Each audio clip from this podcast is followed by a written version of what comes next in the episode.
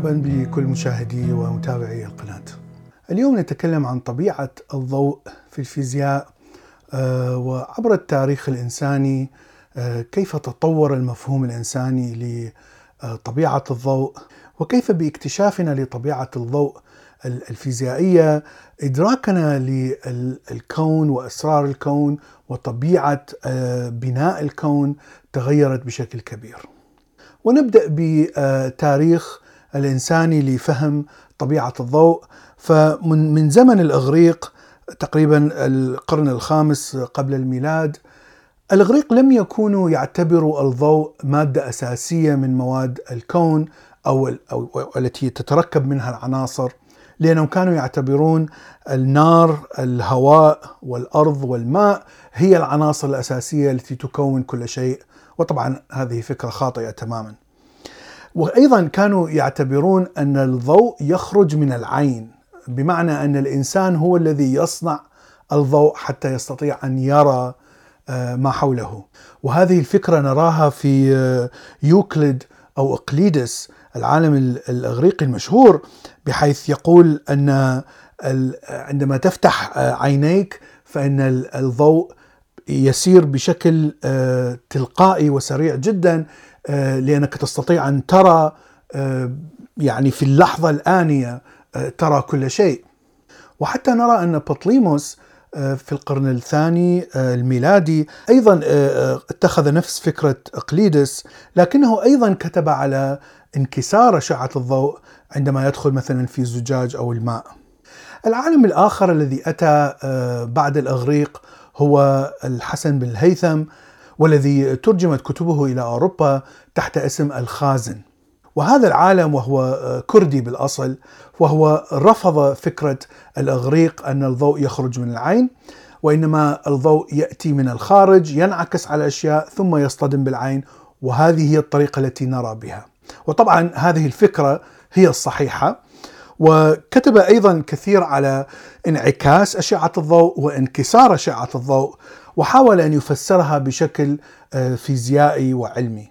أفكار آه، الحسن بن الهيثم انتشرت في أوروبا بشكل كبير وبدأ أوروبيين يطورون هذه الأفكار في عصر النهضة. وحتى نرى أن ديكارت الفيلسوف والفيزيائي الفرنسي المشهور كان يعتبر الضوء هو آه، خاصية ميكانيكية للمواد المشعة وحاول أن يفسر الضوء على أنه موجة. فكان يقارنه بموجة الصوت فلهذا كان يعتبر أن الضوء يسير بشكل أسرع خلال المواد الصلبة وبشكل أبطأ آه، مثلا في المواد الغازية مثل الهواء. لكنه أول عالم حاول أن يفسر الضوء على شكل موجة ونحن نعرف أن هذه كانت حقيقة اكتشفناها فيما بعد. عالم آخر اسمه بيير جاسندي حوالي نفس الوقت آه، فسر الضوء على شكل آه، جزيئات. وليس على شكل موجة وبناء على أعمال جاسندي آه، اتخذ نيوتن العالم الإنجليزي المشهور أعمال جاسندي وأفكاره في تفسير الضوء على شكل جزيئات وبنى عليها أفكاره المشهورة ونظرياته المشهورة على الضوء بتحليل طيف الضوء إلى الألوان الأولية وتحقيق هذا الاكتشاف. نيوتن أيضا آه، وضع المعادلات الرياضية الصحيحة التي تستطيع أن تفسر انعكاس الضوء بشكل آه، صحيح لكن المعادلات التي تفسر انكسار الضوء لم تكن صحيحة 100%. في نفس الوقت كان هناك علماء آخرين يأخذون آه، فكرة أن الضوء هو موجة ويحاولون أن يفسروا صفات أخرى للضوء لم تستطع نظرية الجزيء أن تفسرها فكانوا يعتبرون الضوء مثل موجات الماء التي آه، تنتشر تقريبا في كل الاتجاهات آه، عندما آه، نلقي حجر مثلا في الماء. وبهذه الطريقة استطاعوا أن يفسروا كيف تتحد الألوان المختلفة التي يتحلل إليها الضوء كيف تتحد مرة أخرى لتكون مثلا الضوء الأبيض. وهنا أتت فكرة أن موجة الضوء يجب أن تسبح في مجال معين. لأنها لا يمكن أن تكون موجة وتسير في الفراغ. آه، فإذا الفضاء الخارجي آه، يجب أن يكون هناك مادة أو أو مجال وهنا أتت فكرة الإيثر. ثم في عام 1800 توماس يونغ أجرى تجربة مهمة جدا في إثبات أن الضوء هو موجة. فتجربة تسمى بالشق المزدوج. وفيها يضع مصدر للضوء خلف آه، حاجز فيه شقين آه، عمودين وما يخرج من من هذين الشقين هو فعليا آه، موجات ضوئية وليس خطين للضوء مما يثبت أن الضوء موجة وليس جزيء. في نهاية القرن التاسع عشر كان هناك تجربة مشهورة أقامها عالمان مايكلسون ومورلي أثبتوا فيها أن سرعة الضوء ثابتة لا تتغير آه، مهما كان اتجاه أشعة الضوء ومهما كان اتجاه دوران الأرض ومهما كان اتجاه موقع الأرض حتى آه، من من المدار حول الشمس. بمعنى أن إذا كان هناك مجال اسمه إيثر آه، فإن سرعة الضوء يجب أن تتغير إذا كانت اتجاه إشعاع الضوء متعامد على الإيثر أو موازيا له.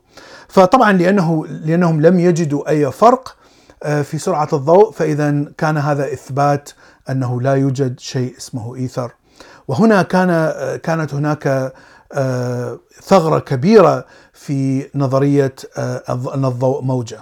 في أيضا في القرن التاسع عشر جاء العالم ماكسويل والذي بنى فكرة الالكترومagnetic فيلد الموجات الكهرومغناطيسية.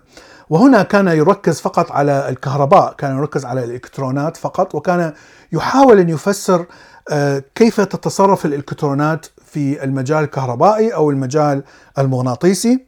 وطبعا بنى معادلاته على أعمال الذين سبقوه مثل آه، أمبير وفولتا والعلماء الآخرين والذين عملوا على آه، تفسير طبيعة الكهرباء. وهنا آه، العالم الآخر المشهور مايكل فاراداي اكتشف أن موجة الضوء تتغير القطبية عندما تنتقل خلال مجال مغناطيسي. ومن هنا آه، بدأ يفكر بأن الضوء هو أيضا موجة كهرومغناطيسية وهذه كانت أول دليل على أن الضوء هو موجة كهرومغناطيسية في بداية القرن العشرين العالم الألماني المشهور ماكس بلانك حاول أن يفسر آه، الإشعاع أو الطاقة التي تأتي من أي جسم أو ما يسمى بالجسم الأسود. والفكرة اللي كانت موجودة بأن الضوء هو عبارة عن موجات فإن الإشعاع الضوئي الذي يأتي من من هذه الأجسام عندما نحاول أن آه، نحسب آه، الطاقة المتولدة من هذه الأجسام دائما الحساب يكون خطأ في ترددات معينة. وما فعله بلانك هو آه، افتراض أن الضوء ليس موجة وإنما هو جزيء يحمل الطاقة في كميات محدودة. فإذا حتى يستمر إشعاع الضوء هذه الكميات المحدودة تستمر بالانتقال. وبهذه الطريقة استطاع أن يضع المعادلات آه، الرياضية الصحيحة التي تتنبأ بكل الإشعاعات التي تأتي من من أي جسم وحتى في كل الترددات في على على طول آه، الطيف الترددي. وبهذا أثبت بشكل آه، أساسي أن الضوء هو عبارة عن جزيء وليس آه، موجة. وفي عام 1905 استخدم آينشتاين الجزيئات الضوء حتى يفسر كيف عندما يسقط الضوء على آه، جسم معين تتحرر إلكترونات بمعنى أن الطاقة الموجودة في الفوتون الضوئي ممكن أن تحرر إلكترونات وكل هذا كان التفسير على أن أساس أن الضوء هو جزيء. وعندما أتت نظرية الكم وفسرت أن الإلكترون يتصرف بطريقة موجة وأيضا بطريقة جزيء طبق طبق هذا التفسير على الضوء ومن هنا بدأنا نفهم أن الضوء آه، كطبيعة هو ممكن أن يكون موجة وممكن أن يكون آه، جزيء في نفس الوقت لأنه يتبع قوانين نظرية الكم وليس العالم الكبير قوانين الفيزيائية لنيوتن أو حتى النسبية لأينشتاين. اذا ما هو الضوء؟ الضوء هو عبارة عن فوتون أو جزيء ليس لديه أي كتلة، كتلته صفر. وهو يتصرف بطريقة موجة كهرومغناطيسية، بمعنى أن أن الموجة تتألف من موجتين متعامدتين موجة في المجال الكهربائي وموجة في المجال المغناطيسي. كيف يتولد الضوء الطبيعي عندما ينتقل الإلكترون في أي ذرة من المجال الكبير الطاقة إلى المجال الأقل طاقة سيحرر طاقة على شكل الفوتون الضوئي أو على شكل الموجة الضوئية. وهنا الطريقة التي تنتشر بها الموجة الكهرومغناطيسية هي كما ذكرنا مجال كهربائي ومجال مغناطيسي بحيث أن الكهربائي يحفز المغناطيسي ثم المغناطيسي يحفز الكهربائي ثم يحفز الآخر وهكذا فبهذه الطريقة تنتشر موجة الضوء ولا تحتاج إلى أي وسط مثل الهواء أو الماء أو مثل موجات الصوت مثلا لأنها ممكن أن تنشر نفسها بنفسها يعني هي تحمل الطاقة اللازمة حتى تستطيع أن تنتشر. هذه الموجة ممكن ان أن تنتشر بتردد معين. التردد هو الذي يحدد نوع هذه الموجة أو الموجه الكهرومغناطيسية. كلمة الضوء تنطبق على فقط الضوء المرئي الذي عين البشر تستطيع أن تراه وهذا التردد محدود في التردد الكهرومغناطيسي. ففي التردد البطيء جدا تأتي موجات الراديو ثم مايكروويف ثم التحت الحمراء ثم نأتي إلى الضوء الذي نستطيع أن نراه ثم عندما تزيد التردد فوق البنفسجية ثم أشعة إكس ثم أشعة جاما وطبعا أشعة إكس وجاما تردداتها عالية جدا بحيث تستطيع أن تخترق الأجسام الصلبة وحتى ممكن أن تسبب تلف في الأجسام الحية وتلف وتغير في الدي إن اي والسبب الذي جعل أعيننا كبشر فقط نرى ترددات محدودة فقط في طيف الكهرومغناطيسي هو أن الأعين تطورت في المحيطات. الحيوانات التي كانت أسلافنا هي طبعا الأسماك والأسماك تطورت في المحيطات والاشعه الكهرومغناطيسية التي كانت تدخل في المحيطات هو الضوء المرئي. ولهذا تقريبا كل الحيوانات تستطيع أن ترى هذه التردد المحدود من الضوء المرئي. باستثناء قسم من الطيور مثلا يستطيع أن يرى أشعة فوق البنفسجية. وقسم من الأفاعي مثلا تستطيع أن ترى الأشعة تحت الحمراء. فإذا قسم الحيوانات استطاعوا أن يمددوا هذا المجال الضيق من الترددات. الشيء الآخر الذي أيضا فسر طبيعة الضوء هي نظرية النسبية الخاصة لأينشتاين. الضوء سرعته ثابتة لا تتغير وأن الشيء الذي يتغير هو الزمان. وطبعا كانت فكرة الزمن يعني فكرة ثابتة بأن الزمن لا يتغير ولا يمكن أن يتغير. في قوانين الفيزيائية. كيف توصل أينشتاين إلى هذه الفكرة؟ التجربة التي أثبتت عدم وجود الإيثر أيضا أثبتت أن الضوء سرعته لا يتغير حتى إذا كانت المسافة التي يقطعها متغيرة سواء كانت أقل أو أكثر سرعة الضوء تبقى مثل ما هي تبقى ثابتة. وهذا الشيء التي أثبتته هذه التجربة أيضا. والتجربة الفكرية لأينشتاين إذا كان هناك شخص مثلا يرمي كرة من من مكان ساكن فطبعا أن الكرة ستتحرك وحركة هذه الكرة نستطيع أن نقيس المسافة وإذا قسنا الزمن إذا نستطيع أن نعرف سرعة هذه الكرة. وهذا شيء بسيط حسب قوانين نيوتن. الآن إذا كان هناك قطار يمشي بسرعة ثابتة وهناك شخص في القطار أيضا يجري نفس التجربة فهو أيضا يرمي هذه الكرة بنفس السرعة. فاذا من الطبيعي أن الكرة سوف تسير بسرعة أسرع. شيء طبيعي لأن القطار سرعة القطار تضاف إلى سرعة الكرة. الآن إذا حاولنا أن نطبق نفس الفكرة بشخص آه، مثلا يشعل آه، ضوء وسرعة الضوء كانت محسوبة في ذلك الوقت وهي كانت 299 ألف كيلومتر آه، بالثانية. إذا الشخص الذي في القطار عندما يشعل نفس الضوء يجب أن تكون سرعة الضوء أسرع. طبعا سرعة الضوء زائدا سرعة القطار. لكننا نعرف أن سرعة الضوء ثابتة في أي مكان ومن أي آه، شخص مراقب، يعني سواء كان الشخص داخل القطار إذا حسب سرعة الضوء أو الشخص خارج القطار آه، الذي يحسب سرعة الضوء التي يراها داخل القطار. سرعة الضوء ثابتة وهذه أثبتت بالتجارب. اذا أصبح هناك مشكلة فيزيائية لأن السرعة تساوي المسافة على الزمن. لكن إذا كانت سرعة الضوء داخل القطار تساوي سرعة الضوء خارج القطار والمسافة التي حسبناها ما بين الشخص الواقف خارج القطار والشخص داخل القطار هي ليست نفس المسافة. إذا الزمن يجب أن يتغير حتى تتعادل هذه المعادلة. ومن هنا جاءت فكرة أن الزمن يتباطأ بين إذا كان الجسم آه، ثابت والجسم يتحرك بسرعة معينة. إذا لماذا سرعة الضوء هي أقصى سرعة آه، ممكن أن يصل إليها أي شيء في الكون؟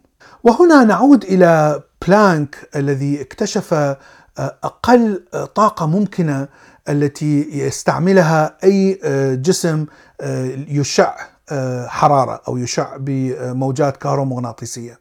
وربطت هذه بشيء اسمه مسافة بلانك وأيضا هناك زمن بلانك وزمن بلانك هو الزمن الذي يسير فيه الضوء خلال مسافة بلانك. زمن بلانك هو آه، أقل زمن ممكن آه، نستطيع أن آه، نعرف ماذا حصل مثلا في الانفجار العظيم. قبل هذا الزمن معادلات الموجودة لنظرية الكم لا تعمل. مسافة بلانك هي أصغر مسافة ممكن أن تعمل فيها نظرية الكم معادلات نظرية الكم. أصغر من هذه المسافة ومعادلات نظرية الكم لا تعمل. فاذا هناك ثوابت معينة في الكون لا نستطيع أن نتعدى هذه الثوابت ومن ضمنها سرعة الضوء. لأن طاقة الفوتون عندما يتحرر من الذرة هي ثابت بلانك آه، مضروب في التردد الموجي. اذا الضوء يستعمل آه، ثابت بلانك آه، أيضا. ولأنه لا يوجد شيء أقل من ثابت بلانك على الأقل الشيء الذي نحن اكتشفناه في العلم لحد الآن. فاذا لا يمكن أن نغير من هذه الطاقة. وعليه فإن سرعة الضوء هو يعتبر ثابت كوني. وبناء على نظرية النسبية الخاصة فإن إذا وصل الجسم إلى سرعة الضوء آه، فإن الزمن يتوقف تماما الزمن يتحول إلى الصفر بمعنى أن الفوتون الذي يتحرر من الشمس فوتون الضوئي ويسافر آه، مدة آه، تسع دقائق إلى الأرض ثم يصطدم مثلا بعينيك هذه المدة بالنسبة لنا أخذت آه، آه، تسع دقائق. لكن بالنسبة للفوتون لأنه كان يسير بسرعة الضوء فإذا الزمن كان صفر. بمعنى أن الفوتون صنع ثم دمر بنفس اللحظة. هذه الفكرة الغريبة تعني أن انتقال الموجات الكهرومغناطيسية لا يمكن أن تتم بشكل أسرع. لأن إذا استطاع الفوتون ان أن يمشي بأسرع من من هذه السرعة فإن الزمن سيتحول بالناقص. وطبعا هذا الشيء غير منطقي. آه، لأن إذا سافر الفوتون آه، إلى الماضي يعني هذا هذا هو معنى الزمن آه، بالناقص. طبعا سندخل في تناقضات السفر إلى الماضي وهناك كثير من المشاكل الفيزيائية التي نقع فيها. ولهذا نقول أن الفوتون لا يستطيع أن يسير أسرع من آه، سرعة الضوء آه، لأنه في هذه السرعة يكون الزمن صفر. طبعا الزمن صفر فقط بالنسبة للفوتون.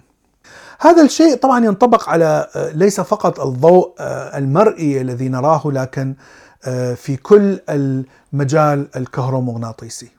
بعد أن اكتشفنا آه، ماهية وطبيعه الطيف الكهرومغناطيسي بدأنا نعرف آه، آه، ما هي مكونات الشمس لأنه كل عنصر في الشمس عنصر الهيدروجين وعنصر الهيليوم سوف ينتج ضوء أو أو موجة كهرومغناطيسية في تردد آه، مختلف. فإذا استلمنا هذا الضوء وحللناه إلى الترددات الأولية سنعرف ما هي العناصر التي يتكون منها آه، هذا المصدر. وبنفس الطريقة نعرف آه، ما هي العناصر التي يتكون منها النجوم المجرات النبيولا الغازات الكونية. ومن هنا نعرف أن أغلب مادة موجودة في الكون هو هي الهيدروجين ومن ثم مثلا الهيليوم. ومن هنا أيضا نعرف أنه عندما تنفجر النجوم آه، آه، هناك معادن ثقيلة داخلها مثل الحديد الأكسجين آه، إلى آخره. ومن هنا عرفنا أن كل الذرات التي تكونت منها أجسامنا والأرض هي فعليا صنعت داخل النجوم.